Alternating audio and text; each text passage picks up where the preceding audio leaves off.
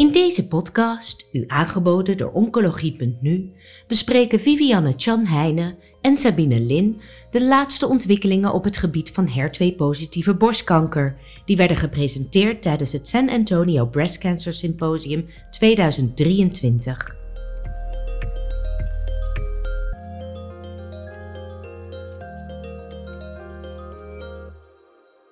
Beste luisteraars, uh, vandaag uh, gaan, jullie, um, gaan we jullie meenemen naar de HER2-positieve borstkanker, uh, zoals gepresenteerd in een aantal studies in San Antonio december 2023. Met mij in gesprek is Sabine Lin, hoogleraar medische oncologie, gespecialiseerd in borstkanker um, in het APL en geleerd aan UMC Utrecht. En zelf ben ik Vivianne Jan Heijnen, hoogleraar medische oncologie in Maastricht UMC+. Uh, Sabine, ik zou heel graag met jou allereerst van gedachten willen wisselen over de Katrien-studie. Ja. Uh, de studie over neoadjuvant gebruik van HER2-gerichte therapie. Uh, zou je daar een tot um, na de operatie adjuvant gebruik van HER2-gerichte therapie, zou je daar een toelichting op willen geven? ja, zeker. ja, de Katrien is natuurlijk een studie die al eerder is gepresenteerd. Uh, en uh, waarschijnlijk uh, kent iedereen die studie wel, en want die passen we ook toe. Ehm, het is een studie waarbij nadat patiënten neoadjuvant behandeld zijn voor hoog risico HER2-positief mammocarcinoom, um, met een minimum van zes cycli chemotherapie en tenminste negen weken trastuzumab, en een pertuzumab mocht er ook bij, um, dat deze patiënten dan geen PCR hadden bereikt. En dan werden ze gerandomiseerd. En dat waren er in totaal bijna 1500. En dan werden ze na operatie gerandomiseerd tussen TDM1, 14 cycli, of uh, gewoon trastuzumab monotherapie, 14 cycli. En verder alle standaardbehandelingen zoals endocrine therapie en radiotherapie. Uh, dat werd allemaal gedaan. Nou, de, um, nu werd de update gegeven. Dat was de tweede interim analyse van de overall survival. Uh, en dit was nu met een mediane follow-up tijd van 8,7 jaar. En dat was vijf jaar langer dan de vorige analyse. En uh, de belangrijkste resultaten waren nu uh, dat de invasive disease-free survival was gestegen van 67% naar bijna 81%. Dus dat is een absoluut verschil in invasive disease-free survival van 13,7% op 7 jaar. Um, en dat was uh, uiteraard enorm significant met een uh, hazard ratio van 0,54. En, en de, de, overall survival uh, op zeven jaar was ook significant met een hazard rate van 0,66. En daar ging de zevenjaarsoverleving van 84% naar 89%. En het absolute verschil is 4,7% op zeven jaar. en ook dat was significant. Dus ja, dit waren eigenlijk hele mooie data. En eigenlijk bevestigen ze wat we al doen in de praktijk. Dat je patiënten na neootje van de chemo TDM1 geeft als ze geen PCR hebben behaald. Ja, hartstikke mooi hè. Ook in alle subgroepen was het eigenlijk uh, hetzelfde. Hè? Dat geen Precies. verschil. Ja, ja het was eigenlijk in alle subgroepen hetzelfde, ja. Ja, ja. ja en dat voldoet ook weer aan de nieuwe paskeelcriteria. Dus ik dacht dat is ook wel belangrijk om misschien nog aan de lezers, mee, aan de hoorden, hè, de luisteraars moet ik zeggen, um, mee te geven. Dat ook in dat opzicht wij dat in Nederland kunnen blijven voortschrijven. Mee eens? Of kijk je er anders tegenaan? Nee, helemaal mee eens. Helemaal mee eens. Ja. Ik denk wel, wat, wat nog wel opviel, was dat um, hoe meer residuale ziekte had, je had, uh, hoe, meer, hoe groter nog eens het effect werd uh, van uh, TDM1. Ja. Dat, maar ja, het was in alle subgroepen was het signaal er. Ja, dus, ik we moeten het blijven doen. Ja, sorry dat ik je onderbreek, maar ik dacht dat het ook nog een groot, iets groter effect was als de uh, centrale HER2-bepaling uh, um, immunogene 3 plus was ten opzichte van 2 plus met een positieve ICE-test. Heb je dat goed onthouden? Ja, ja, ja, klopt. Ja, ja, ja. Ja, dus ja, dat is volgens mij eigenlijk ook al wel langer dat we dat weten, dat hoe, groot, hoe hoger die HER2-amplificatie is, hoe, hoe groter ook de winst is van anti-HER2-gerichte behandeling. Ja, ja. In, mijn hoofd hou ik altijd een beetje aan als strategie van als ik van tevoren bij de primaire diagnose al weet dat een patiënt uh, in aanmerking komt voor systemische therapie, wat mij betreft, en dat, dat ik dat zo zou willen adviseren, dat, dat ik dat liefst neoadjuvant doe, omdat ik dan de kans heb als er geen PCR is, om dan een adjuvantbeleid nog aan te passen en daarmee die extra winst te geven. Vind jij dat we ook zo zouden moeten denken als tumoren heel klein zijn? Of zeg je, nou, dan zie ik het toch net een beetje anders. Dus ik vind dat er best wel een groep geselecteerd zou moeten worden ik niet neoarts van adviseer en dus ook niet deze behandeling zou geven van adjuvant uh, TDM1. Hoe kijk jij daar tegen? Ja, ik denk eerlijk gezegd uh, dat voor de groep uh, die in aanmerking komt wat we noemen het Tolani-schema, dus dat is 12 keer wekelijks paclitaxel met trastuzumab um, gedurende een jaar, um, dat in die groep, en dat zijn patiënten met een tumor tot 2 centimeter clear negatief, um, dat je in die groep deze strategie van neoadjuvant en als er nog geen PCR is, uh, adjuvant TDM1, dat je dat in die groep niet moet doen. Want eigenlijk weten we uit die Tolani-studie um, dat, uh, dat de overleving op acht jaar uh, 97% was. Ja, daar kan je niet heel veel aan verbeteren. wat wel relevant is, is dat in die Tolani-studie al die patiënten werden upfront geopereerd. Dus daar wisten ze zeker dat de tumor niet groter dan 2 centimeter was en dat ze, de patiënten clear negatief waren. Um, dus, dus eigenlijk, als je het heel zuiver zou willen doen, dan moet je deze groep ook eerst opereren. Het nadeel is dat je dus een deel van die patiënten zullen toch clear positief zijn na operatie. Ja. Um, uh, ja. Dus ja, ik ja. weet niet, wat vind jij daarvan? Ben ik wel benieuwd naar. Ja, zelf zou ik eerlijk gezegd wel uh, willen kiezen, ook al is het wat indirect bewijsvoering, maar dat ik denk, als je dan binnen de Soleni-groep een groep hebt die niet uh, een PCR heeft, dan is dat gewoon toch wel de slechtste groep. En die heeft het Soleni in feite niet helemaal uit elkaar getrokken, om te zeggen, omdat inderdaad adjuvant had gegeven. En ik denk dat eerlijk gezegd bijna iedereen met een kleine tumor die een beetje HER2 responsief is, waarschijnlijk een PCR heeft. Dus het, waarschijnlijk zal het in de praktijk niet heel vaak spelen.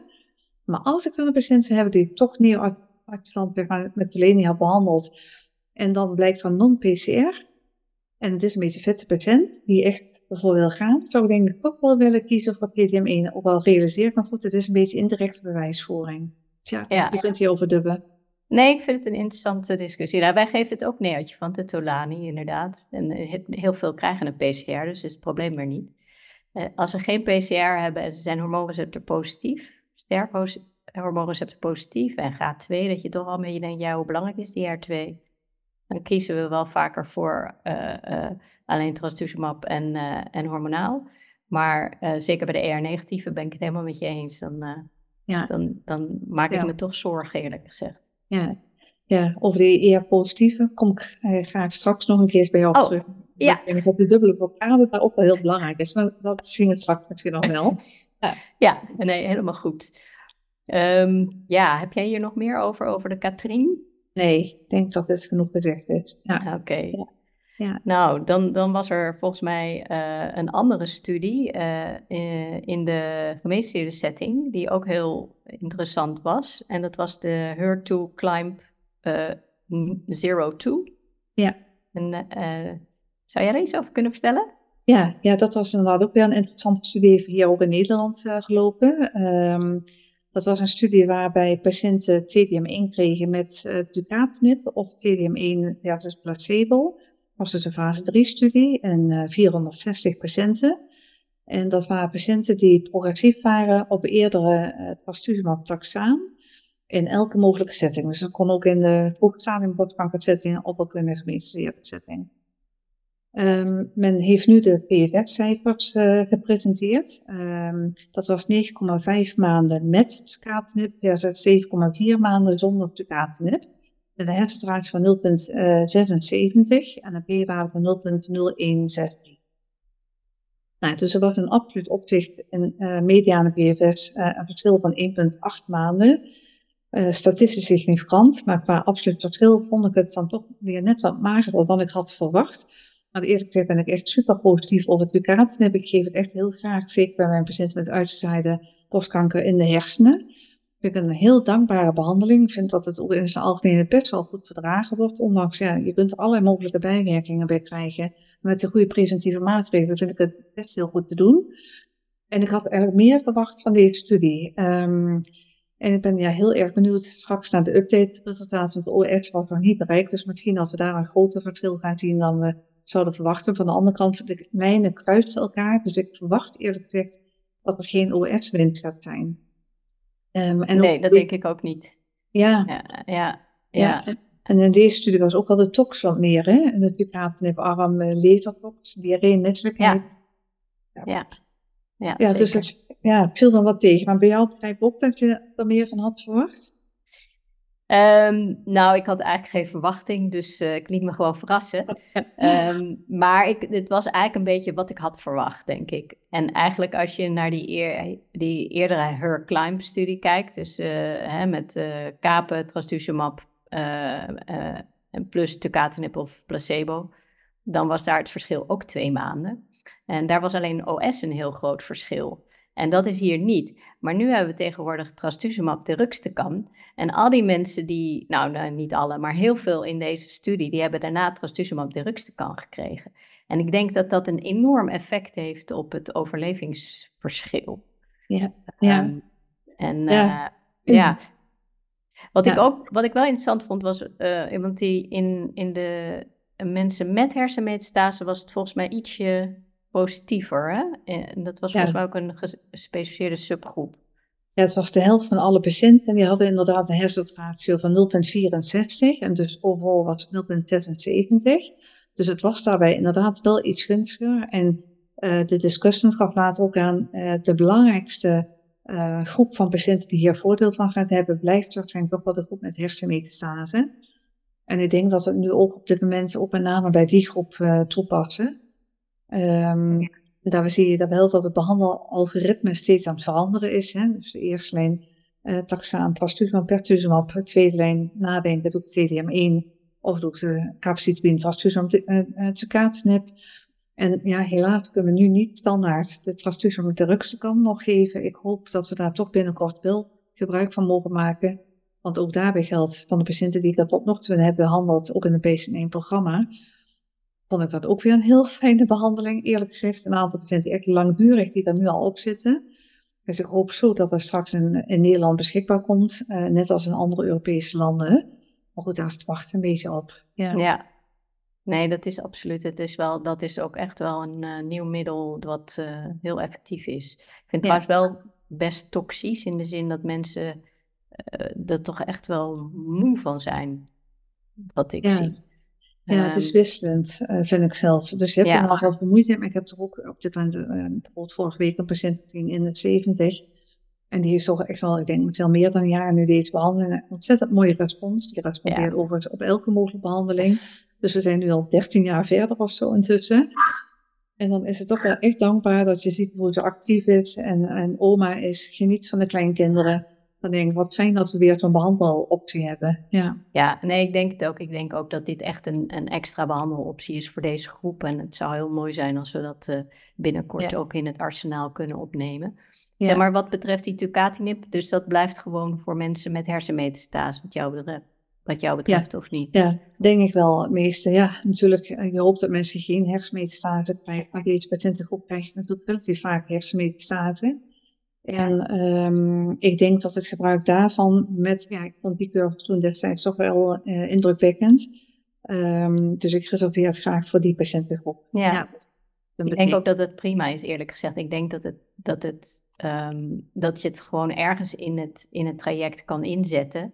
En dan is volgens mij de meest effectieve moment het moment dat er hersenmetastase zijn ontstaan. Ja. Geef jij trouwens ook uh, stereotactische radiotherapie soms bij hersenmetastase? Ja, ja, op zich wel. Uh, ik doe niet meer zo heel vaak eerlijk gezegd whole brain radiotherapie. Nee, dat is niet. Toch echt een, dat, dat moet je echt voor de uitzonderlijke patiënten misschien bewaren, maar gewoon af en toe ja, stereotactische bestralen aan de ene kant, de andere kant, en dat je gewoon toch wat meer mogelijkheden hebt. Dat houdt mensen toch ook gewoon langer aan de praat en een goede uh, conditie, een goede kwaliteit van leven.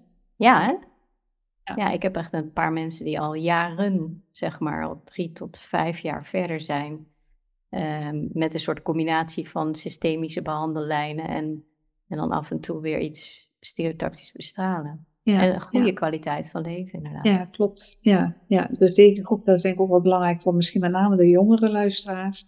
Hersenmetastase bij allerlei andere soorten van tumoren is best wel een zorgelijk iets.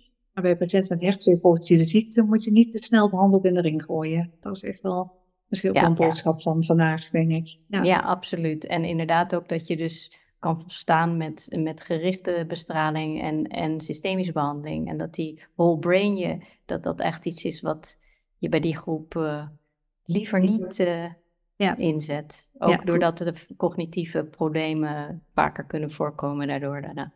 Klopt. Ja. Want ze hebben tijd van leven, dus dan gaan ze er ook last van krijgen. Ja, Hey, Ja. ehm, de- volgens mij was er ook nog iets interessants over de, de triple positieve. hè? Daar, daar had jij nog iets over, volgens mij. Ja, klopt. Ik vond de Aspire-studie weer interessant. Eh, dat is eigenlijk een soort ehm vervolg misschien wel, zou je kunnen zeggen, op de monarchaire data. Ehm eh, monarchaire, dat was met trastuzumab, fulvestrant en abemaciclib. Eh bij patiënten die al meerdere lijnen van therapie hadden gehad. En de Aspire-studie had eh anastrozol, palbociclib, trastuzumab, pertuzumab. Nog wat uitgebreider. En dan in de eerste lijn van behandeling. En dus een chemotherapievrij schema bij patiënten met een triple positief mammacarcinoom. En ik denk dat dat buitengewoon waardevolle data zijn, want het CDK4-6-remmer kunnen we nu natuurlijk inzetten bij HER2-negatieve ziekten, maar niet bij HER2-positieve ziekten. En ehm, als je nu naar de ESPA-studie kijkt, dat is echt een heel kleine studie hoor, maar, en, en is 30 patiënten, maar toch eh, 97% van de patiënten had clinical benefit, 60% had een partiële respons en de mediane progressievrije overleving was 21,2 maanden. Nogmaals een kleine studie, maar echt fantastisch, hè? Ja. Ja. ja. Wow, dat, dat is eigenlijk wat je heel graag zou willen inzetten dan. Maar ja, dat kan natuurlijk nog niet. Nee, kan nu natuurlijk nog niet. Maar als je kijkt, eh, je weet we hebben bij ons tussen naderbaarheid is is die studie met, eh, waarbij alle patiënten met uitgestane borstkanker in Limburg en Brabant geregistreerd worden. En ook daarvan dachten we al te zien dat als je ER-positieve ziekte hebt naast HER2-positieve ziekte, dat het gelijktijdig blokkeren van de uitschengingsrecept, want wat bedoelde ik net, ik kom daar graag nog op terug. Ik denk dat het super belangrijk is om ook dit signaalpaden met elkaar een crosstalk hebben. En als de ene blokkeert, gaat de andere aanstaan. En dan denk je, goh, ik heb een ER-negatieve tumor zelfs. En ik kan toch weer aan gaan staan dat je ergens iets blokkeert in je HER2-pad. Dus het regelmatig biopteren, straks wellicht met uh, circulaire tumor-DNA uh, inzicht krijgen. Maar of op zijn minst, als ze allebei positief uh, zijn, liefst ook altijd hormoontherapie toevoegen, omdat ik er echt van overtuigd ben vanuit onderzoek. Ja, het zijn nog eens retrospectieve data. Dat toch je denkt te kunnen zien dat dubbele blokkade erg belangrijk is. Vandaar dat ik zo enthousiast ben over uh, ook nog het gebruik van CDK4-6-remmers. Ja, nou, ik, het, het, doet me eigenlijk denken aan die studie, die, die is volgens mij toen een tijd geleden in, uh, op de Bosse Mama Dagen ook gebracht door Luca Gianni. Ik weet niet of je er toen was, maar uh, dat, dat was een hele kleine neoatje van de studie. Uh, de NAVER 2 heette die. -huh. En, en daar deden ze eigenlijk ook bij de triple positieve een, een, een blokkade, dus met fulvestrant en palbociclip. En naast, naast trastuzumab en pertuzumab. Ah, en, mooi. Ja, en, en, en dat was toen, ik weet nog wel dat ik toen dacht van, wow, waarom doen we dat niet vaker in, in Ja. de neoadjuvant setting? Uh, want hij had toen een, even kijken, ik heb nu het ding even uh, uh, teruggezocht. Hij had namelijk een hele hoge PCR, um, ja, 27% voor een, voor een triple positief zonder chemo, hè? Ongelooflijk, ja. Je moet eens kijken als ze toch toe kunnen gaan naar uh, schema's die alleen maar doelgerichte behandelingen hebben, dat ze gewoon wegkomen van de chemotherapie. Ja. Ja, dat is toch waar je, waar je het liefst bij uit wil komen. Ja, ja eigenlijk wel, ja. ja. Maar goed. Misschien komen we daar weer met een, tot een afronding, want ik denk dat we een aantal leuke studies hebben de revue uh, laten passeren bij patiënten met HER2 positief uh, mammacarcinoom, zowel vroeg stadium als gemetastaseerd. En ik vond het ontzettend leuk, Sabine, om met jou daarover zo van gedachten te wisselen. Dankjewel. Ja, nou, dat was wederzijds. Jij ook, veel dank. Bent u geïnteresseerd in meer podcasts? Deze zijn te vinden op de website oncologie.nu